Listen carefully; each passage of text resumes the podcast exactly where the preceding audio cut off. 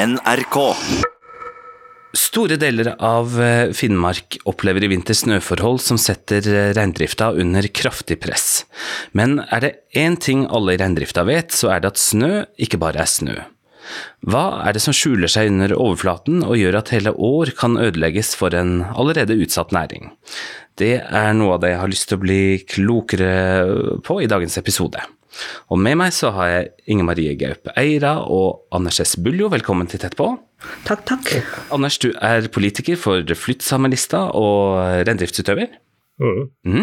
Og Inger Marie, du er eh, ansatt på Sami Alla-skole, altså Samisk høgskole her i Kautokeino, og har skrevet en eh, doktorgradsavhandling der du tar utgangspunkt i hvordan reindriftssamer bruker tradisjonell kunnskap om snø i en tid hvor klimaet endres. Og så ser du hvordan man kan forene tradisjonell kunnskap med etablerte forskningsmetoder. Eller vitenskap, kan du si. Vitenskap. Ja. Ja, nettopp. Anders, jeg har lyst til å høre med deg bare helt først. Hvordan er vinteren for dere i reindrifta når det kommer til snøforholdene? I år så er det eh, ganske dramatisk, for eh, nå er det mye mer snø enn det er vanlig. Det er godt over én meter snø over de fleste områdene. Det er vanlig at det er ca. halvmeter snø, det er det normale. Og eh, i tillegg til det så er det islag i, imellom der som vanskeliggjør at, eh, at reinen kommer ned til maten. Nå er det sånn at eh, eh, alle her i Kautokeino, eller Vest-Finnmark, må fôre reinsdyrene sine, rett og slett for at reinsdyrene skal overleve.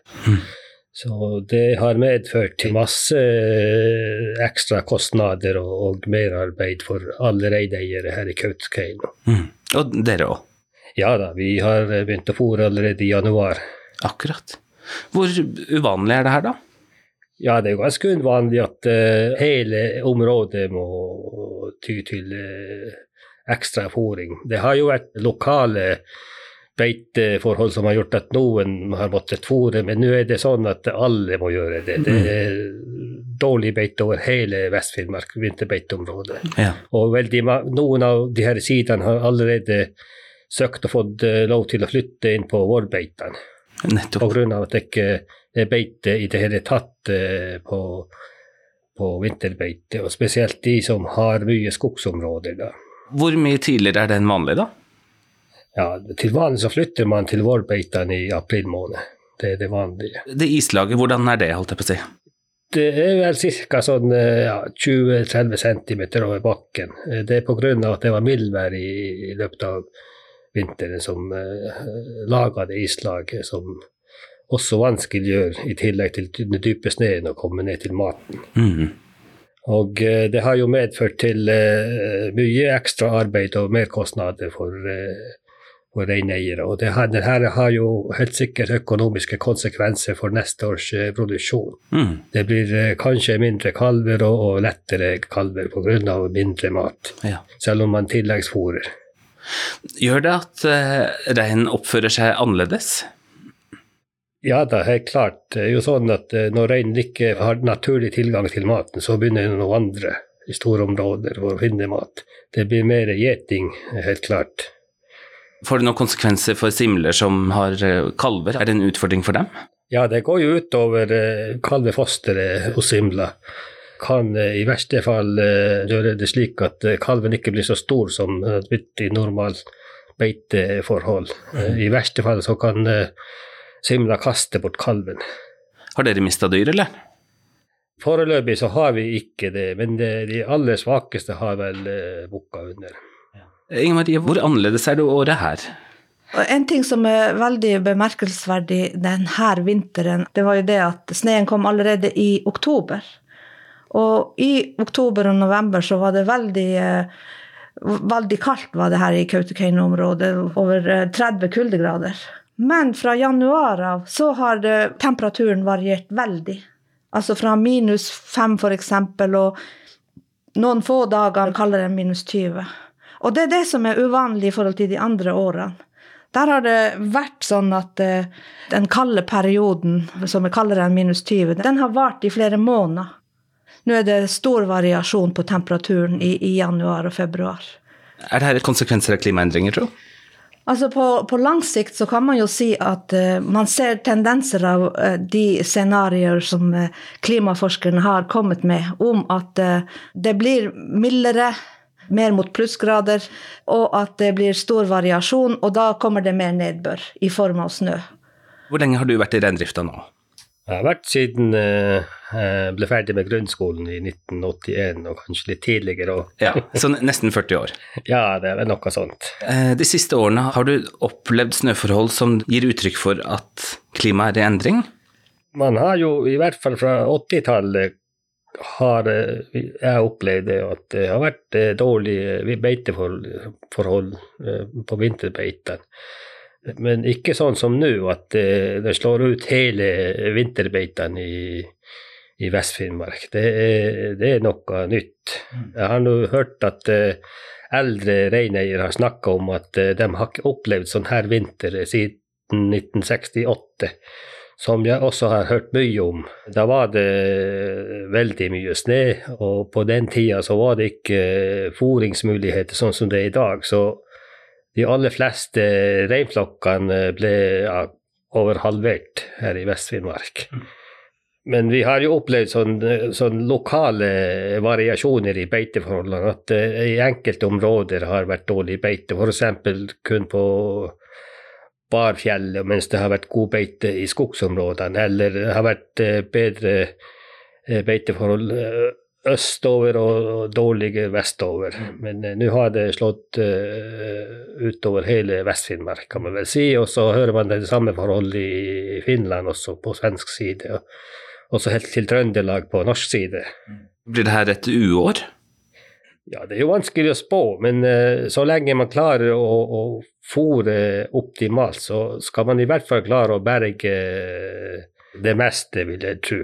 Men uh, det er jo store avstander det er snakk om. Noen uh, sider har jo over ti mil å frakte uh, fôr, og for dem er det ekstra utfordrende og ekstra kostnader og slitasje for å få ut fôr. Ja, og da, da tenker du på ti mil med scooter? Ja, det er med scooter. Jeg har hørt at noen har fått helikopterbistand, de som er lengst unna inn i nasjonalparken. Utrolig mye ekstra arbeid, da? Ja, det blir mye ekstra arbeid, ekstra kostnader, slitasje på kjøretøy og utstyr. Og så er det Det her er jo også helt sikkert sånn, eh, sånn psykisk belastning for reineiere. Og det er snakk om eh, halvparten av eh, Kautokeino kommunes befolkning som er reineiere. Og det er snakk om eh, mange hundre eh, reindriftsutøvere som er til daglig ute og, og gjeter reinene. Så det kan ha store konsekvenser for uh, samfunnet her i Kautokeino hvis uh, man ikke klarer å, å berge flokkene på en god måte. Mm. Men i hvilken grad tar man hensyn til uh, at det går opp og ned sånn med, med, beiteforhold og, og tilgang til mat? Ja, det, vi har jo, Reindriften har jo fått støtte til tillegg, kjøp av tilleggsfôr. Men jeg tror ikke det, det rekker, det som nå er fremforhandla av, av avtalepartene i reindriftsavtalen.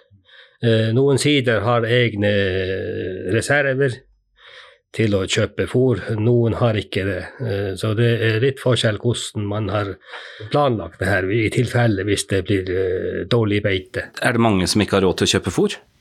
Ja, det, det, det, er jo veldig dyrt å kjøpe fôr. En sekk koster jo flere tusen kroner, 800 eh, kilo. Det skal mange sekker til i løpet av en vinter for å klare å fôre opp en flokk. Så det er snakk om veldig store summer til sammen. Det er snakk om eh, mange titalls millioner for Kautokeino's del. Det er mange ting som spiller inn, men uh, totalt så er alle berørt av det her økonomisk. Reindrifta er jo hjørnesteinsnæringa her. Hvis det går dårlig med reindrifta her, så det, blir det mindre penger i systemet, samfunnet her. Så det, det har uh, sånne konsekvenser også. Det er jo sånn at Har man mindre penger, så blir det mindre handel. Myndighetene forteller at 140 eh, 000 rein er, er, er påvirka av dårlige reitforhold, guavi, som vi sier. For hele eh, Reindrifts-Norge. Eh, sånn som jeg hørte fra, fra Landbruksdirektoratet, så estimerer de at de her dårlige beiteforholdene kommer til å vare våren ut. Så det er som Ante sier i sted, at han ikke tror at den bevilgninga som er gitt, at den ikke varer. Og det tror jeg nok han har helt rett i, fordi at bevilgninga er estimert til å vare ut mars denne måneden. Det som er fra reindriftsavtalen. Nettopp. Ja. Her må man på banen altså, og, og gi mer Hvis ikke det skal bli katastrofe med stor reindød og lite kalveproduksjon. Ja. Er det noe som tyder på at vi, at vi nå går inn i en sånn langvarig, krevende periode? Man ser på høsten hvordan vinteren blir. Mm. Men, men har man en, en liten sånn anelse om at det her kan bli veldig dårlig, så må man gjøre grep, som man sier. Og et av grepene er faktisk Noen sier at da slakter man nesten ned alle kalvene. Eller lever, ja, slakter kalvene. Fordi at det er jo dem som er mest sårbare om, om vinteren. Ja. Det kan hende at det skjer denne høsten. At uh, Sidaer selger mesteparten av den kalveproduksjonen de har hatt om våren. Altså Hvis man selger mer kalver enn vanlig, så går det utover eh, da, ny rekruttering i produksjonslokken. Mm. Helt klart. Den vinteren her kan forplante seg mange år framover, sånn sett, da, eller? Ja, det kan eh, se sånn ut. Hvis ikke været endrer seg nå fremover, så eh, kan det eh, bli ganske dramatisk. Nå har eh, rovdyrene optimale forhold for å ta rein. Nå klarer ikke reinen å springe ifra. Jerven springer mye kjappere, og, og jeg har allerede hørt at mange altså mange sider har funnet masse kadaver etter, som er drept av rovdyr. Så mye snø og, og de her snøforholdene, det er ikke bare for, for beitetilgang, men det er også vanskeliggjør det med å, å stikke vekk fra, fra, fra rovdyrene. Ja. Ja, ja. Det er så mange konsekvenser det her gir. Det, det, det gir veldig mange konsekvenser, i tillegg til at det, det fører til at uh, reinen blir litt redusert. Og at uh, det går utover uh, kalv, kalvinga og kalvestørrelsen. Ja, nettopp. Du, den der kunnskapen om snø som overleveres fra generasjon til generasjon, hvordan lærte du om snøens egenskaper? Ja, det har lært som uh, guttunge å, analysere reinbeitene og krave ned og hva som er bra og ikke bra og sånne ting. Og det er sånn man lærer det her. Og så, og så i løpet av de årene jeg har jobba med det, så lærer man hele tida med snø- og beiteforhold. Mm. Hvor viktig er det å kunne liksom, nyanseforskjeller av, av snø, da? Ja, så Man lærer jo det egentlig automatisk. Og, og det er jo sånn at eh, hvordan snøen legger seg, det kan man ikke gjøre noe med. Man bare tar det som kommer. og det er sånn det er. Man bare prøver å forholde seg til eh, stedmengdene og snøforholdene, og Prøver å beite slik at man eh, klarer å utnytte optimalt på vinterbeitene. Mm. Og du, Inger Marie, du kan litt av hvert om disse begrepene som man, som man bruker for snø. Ja, jeg har nå jeg har, um, I løpet av min periode når jeg holdt på med min doktorgrad, så har jeg jo uh, intervjua masse masse reindriftssamer her i Kautokeino om uh, hvordan de forklarer de ulike snøtypene i forhold til beiteforholdene for rein. Og da tenker jeg på snøen, og ikke det som er under ikke lav og det der. Vi vet jo det at snøfysikere, eller de som ser på snøskred og sånt, de har veldig mye kunnskap om snøkrystaller og hvordan den omvandles og alle de der tingene. Men det som jeg ble veldig overraska over, det var jo faktisk at reindriftsutøverne hadde akkurat det samme. Selv om de ikke hadde gått på en snøfysikkskole, eller hva man skal si.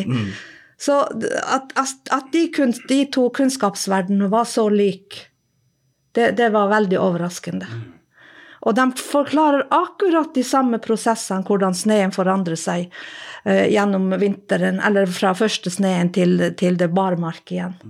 Men det som var litt forskjellen mellom de to uh, kunnskapsverdenene, var at reindriftsutøverne hadde også et sånt økologisk syn i, i, forhold til snøen, i forhold til reinen og, og sin egen drift.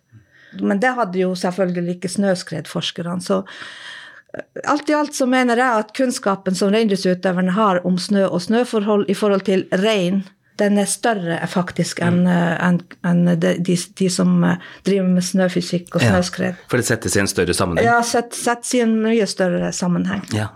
En, en litt sånn fun fact, uh, Inger Marie, ja. mm, og som er et veldig godt bilde på hvor rikt begrepsapparat reindriftssamer har inn mot snø. da. Hvor mange ord er det man bruker? Det som jeg fant her i Kautokeino, var at reindriftssamene daglig brukte 318 snøord Og daglig? i, i sitt reindriftsarbeid.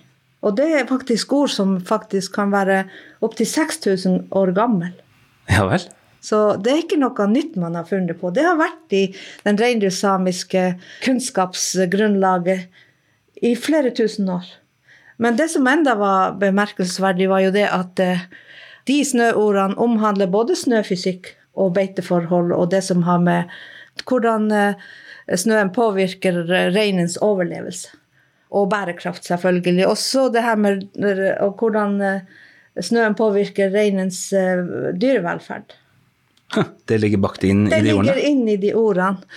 Og jeg hadde et eksempel her på et uh, ord uh, som heter for skava. Jeg ser Anders han nikker her, og i hans hode så dukker det opp hele, altså hvordan man tenker om skava. Mens hvis jeg skulle ha fortalt til deg på engelsk eller norsk, så måtte jeg ha brukt 22 ord. Oi, ser du det? Ja. Hvilke 22 ord er det? Uh, da, da, hvis jeg sier skava, så tenker Andersson her at det er snø eller isskorpe som eh, blir laga pga. at sola har smelta overflaten av snøpakka i løpet av dagen, men som er etterfulgt av rask nedkjøling senere på kvelden. så det er ett ord? det er ett ord. Og det var et eksempel av de 318 ordene. Og du tok det med en gang? Ja, ja, skava er jo helt vanlig. Ja. Hvordan, hvor mange ord er det på vanlig norsk? daglig bruk? Det er vel kanskje altså, Det som jeg vet om et sånt spesielt ord på, på norsk, er jo skare. Ja. Men ellers så har du de her kombinasjonene, at du har kombinerer et Setter to ord hvor en, et av de ordene er snø. Ja. Harsnø. Kramsnø. Kramsnø. Men det er ikke på samme måte som her, i den reindriftssamiske kunnskapsverden. Ja, Det er jo kjempeviktig i Anders sin hverdag sånn sett, da. Men hva med, hva med de som ikke har dyr? Altså, ja, noen av begrepene brukes jo uh, også av, av andre ja, av, av, av sam, den samiske befolkninga. Mm. Vi har et eksempel på et begrep. Det er det samme ordet 'oppas'. Hvis jeg hadde spurt Anders om oppas, så hadde han tenkt på reinens dyrevelferd og reinens overlevelse. Og oppas betyr uh, i hans uh, verden at det er snø som ikke er rørt i det hele tatt. Ja. Altså urørt snø. Ubeita. Uh, ja, urørt pga. at det ikke er beita der. Akkurat. Men hadde du spurt en fra Tromsø om oppas, så hadde han sagt at ja, det er så mye snø at det vanskeliggjør hans ferdsel fra A til Å. Så hvis de to, han fra Tromsø og han snakker om oppas, så, så er de i to verdener. Det er tøft, da. Og hvis jeg skal fortelle hva som er det optimale beiteforhold på vinterbeite, så er det sånn at bakken eh, må fryse til før, før eh, sneen kommer. Og så må temperaturen være lave når sneen laver ned, mm. sånn at uh, bunnen får sånn krystallsne, sånn at det blir løst i bunnen. Det er det optimale. Og så må det ikke komme mildvær i løpet av vinter så må det heller ikke komme altfor mye snø. Det som Anders sier er optimalt, det er jo det her med senjers, altså kornsnø. Ja. Og, og senjers er en, en krystalltype, snøkrystalltype som uh, må ha visse forutsetninger for, å, for, at det skal komme, altså at det blir senjers, kornsnø. Så jo kaldere det er sånn som det var brukt å være før i tiden, som rusty boilers, altså minusgrader over minus 25 kuldegrader, og en snødybde som på en måte har vært normal her i Vest-Finnmark. Det er det som hadde vært optimale. Mm. Men nå, når det har vært varmere enn minus 10 grader, og mye mer snø, så påvirker det senjers. Hvis det er senjers i snøpakka, så overlever nok reinen. Men jo mindre senjers, jo verre er det. For, for Senjas ligger helt mot bakken og har de store, fine krystallene mm. som er veldig porøse, og som reinen lett kommer igjennom og er lett å, å, grave. Men hvor lite er det nå i år, da? Det er mindre senjas i, i snøpakka, som gjør, i tillegg til at det er masse snø, uh, gjør uh, veldig vanskelig. Pluss det islaget som han forteller om. Ja, nettopp. Ja. Du, det var noen som fortalte meg at for å forstå kornsnø, Senjas. Mm. Så har du også fått hjelp fra NASA, er det riktig? Det stemmer. NASA og, og Samisk høgskole og daværende ELA-prosjektet og Meteorologisk institutt og NGI.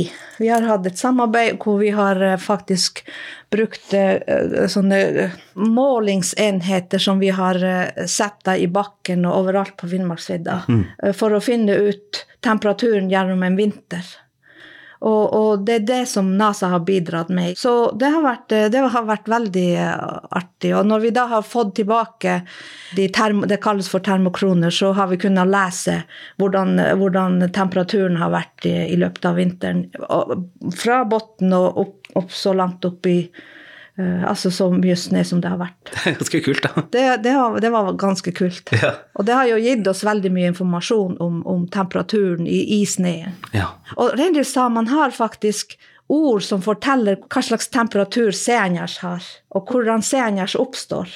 Og de kaller det for sodat. Altså, det betyr at det er bakken sammen med et, et tjukkere lag av snø over senjers som til sammen Eh, produserer eller lager de fine snøkrystallene. Alt det der har man nyanserte termer for. Mm. Og stjerner er ikke bare viktig for gåtene eller for beiteforholdene for rein, men det er også viktig for, for menneskene som jobber. For det er, det, det er, den snøen man lager vann av. Oh, ja. Så hvis man ikke har vann i, i nær tilknytning og der hvor man er, så graver man seg ned helt til bunnen, og så tar man senjers mm. og varmer det og så blir det vann. Dere, den kunnskapen som dere har opparbeida gjennom generasjon etter generasjon, kan det hende at vi går inn i en fase hvor klimaendringene fører til at snøen endrer seg på en måte at den kunnskapen man har opparbeida seg, på en måte kan bli utdatert? Eh, ja, det er klart at eh, f.eks. hvis temperaturene nå i fremtida blir sånn at man ikke får seniors i snøpakka, mm. så betyr det jo at eh, når man ikke har det, så bruker man ikke de ordene mer, og heller ikke den kunnskapen. Altså, det er noen begrep som på en måte blir borte. Mm. Og, og, og, ikke sant? Når du har et begrep for et eller annet, så har du også masse kunnskap om, om, det, du, om det begrepet. Mm. Det er man veldig redd for, og det ser man kanskje ikke i, i forhold til snø, men, eh, men, men, i forhold til andre ting. Hvor man ser tydelig at kunnskapen begynner å bli borte. Oh ja. Hvilke da? For eksempel så hadde jeg en test på ungdom, eh, noen ungdommer om, om, det her med avl. At hvordan ser en reindriftsutøver på en simlerein om, om det her er en sånn herre eh, altså som er sånn der, Er det eksellente eh, i for, for, forhold til avl? Ja. Og det viser seg at det er ikke så mange som kjenner til begrepet sarkonal, som, som, egentlig da er det, det beste simlerasen man har i flokken. Som du virkelig burde videreføre? Ja, som de ungdommene burde ha, ha lært seg. Ja, så Når det gjelder gammel kunnskap, nå er det jeg har hørt ganske mange ganger av de her eldre som har fulgt med de her gamle værtengene, at uh, nå er det sånn at en faktisk har begynt å spille litt puss, for uh, de her gamle værtengene uh, stemmer ikke sånn som de gjorde i gamle dager. Så det er helt sikkert noe som er i endring nå. Oh ja. hva, slags type værtegn da? Ja, altså, Som forteller hvordan været blir fremover. Jeg har hørt uh, veldig mange av de her eldre som følger med de gamle værtengene, at uh, nå er det nesten ikke uh, poeng å følge med de her, for det, de her stemmer nesten ikke sånn som de gjorde i gamle dager. Hvis jeg kan bare legge til, så har jeg sett f.eks. på Facebook at Eh, noen eldre reindriftsutøvere diskuterer om at det her med med golkonjatsu, altså det her tøvær i slutten av oktober, begynnelsen av november, at mm. det var ikke i år i det hele tatt. Og så ser man jo også lang tid i forveien at eh, hvordan beite blir av, de, av reinsdyrene, reinflokkene. At for eksempel så var det mange som sa nå i høst at det er litt merkelig i år, for uh, reinen er ikke så villig til å gå sørover i år. De kjenner jo hvordan vinteren blir, og vi ser jo nå hvordan det er blitt her, her på Finnmarksvidda. Mm. Ok, At den ikke ville gå sørover? Hva, hva... Altså Til vanlig så går de sørover i full fart. Altså Du mener til, mot vinterbeiter? Mot vinterbeiter, ja. Fra ja, sommerbeiter ja, til vinterbeiter. Ja, så de har liksom ikke hatt så hastverk i, i høst og sen høsten. Jeg har hørt flere sånne fortellinger fra andre deler her i Kautokeino.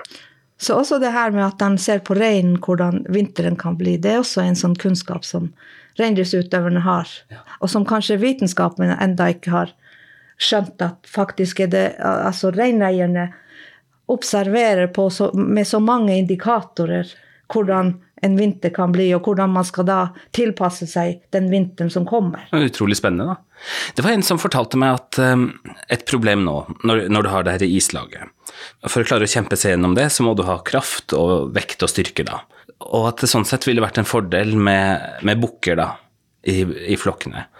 Uh, men så sa den personen at uh, reindrifta i dag er tvunget til å ha flere simler enn bukker, og at man dermed har mindre sånn muskelkraft til å komme seg gjennom, da. Er, er det rett? Ja, det, det, stemmer nok. det der. Eh, fra naturens side så er jo reinene eh, bygd slik at eh, de store oksene de mister horn etter brunsten, så, og de er sterke og krave.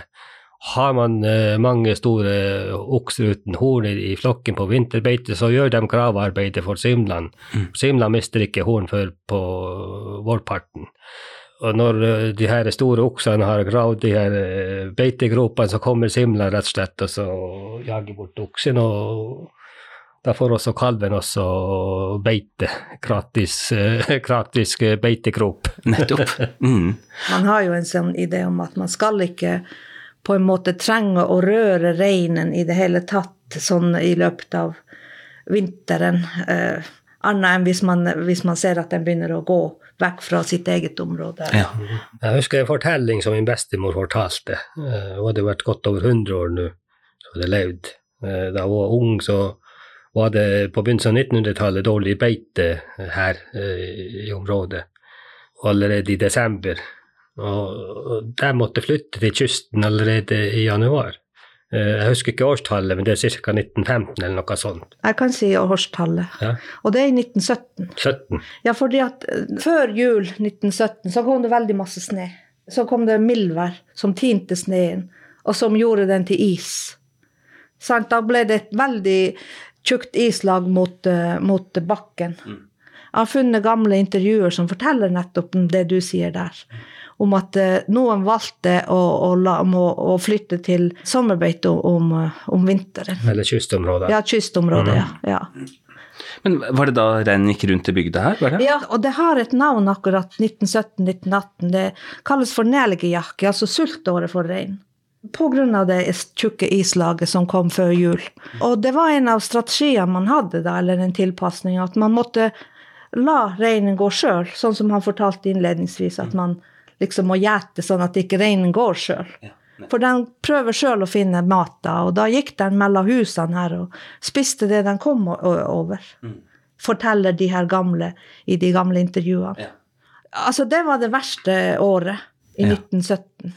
Da var det jo også det her med spanskesyka. To sånne store kriser samtidig.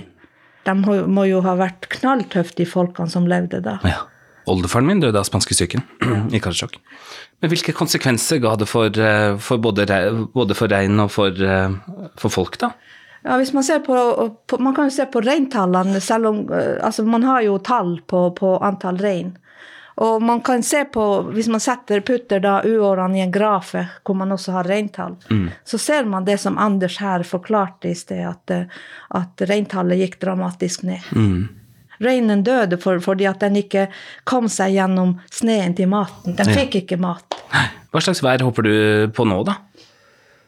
Nei, Nå er det jo så mye snø at jeg håper at uh, når våren begynner å komme, så at uh, kommer det mildvær og klarer å smelte bort det meste, sånn at det er nok barflekker til simlene som skal føde kalver. Mm.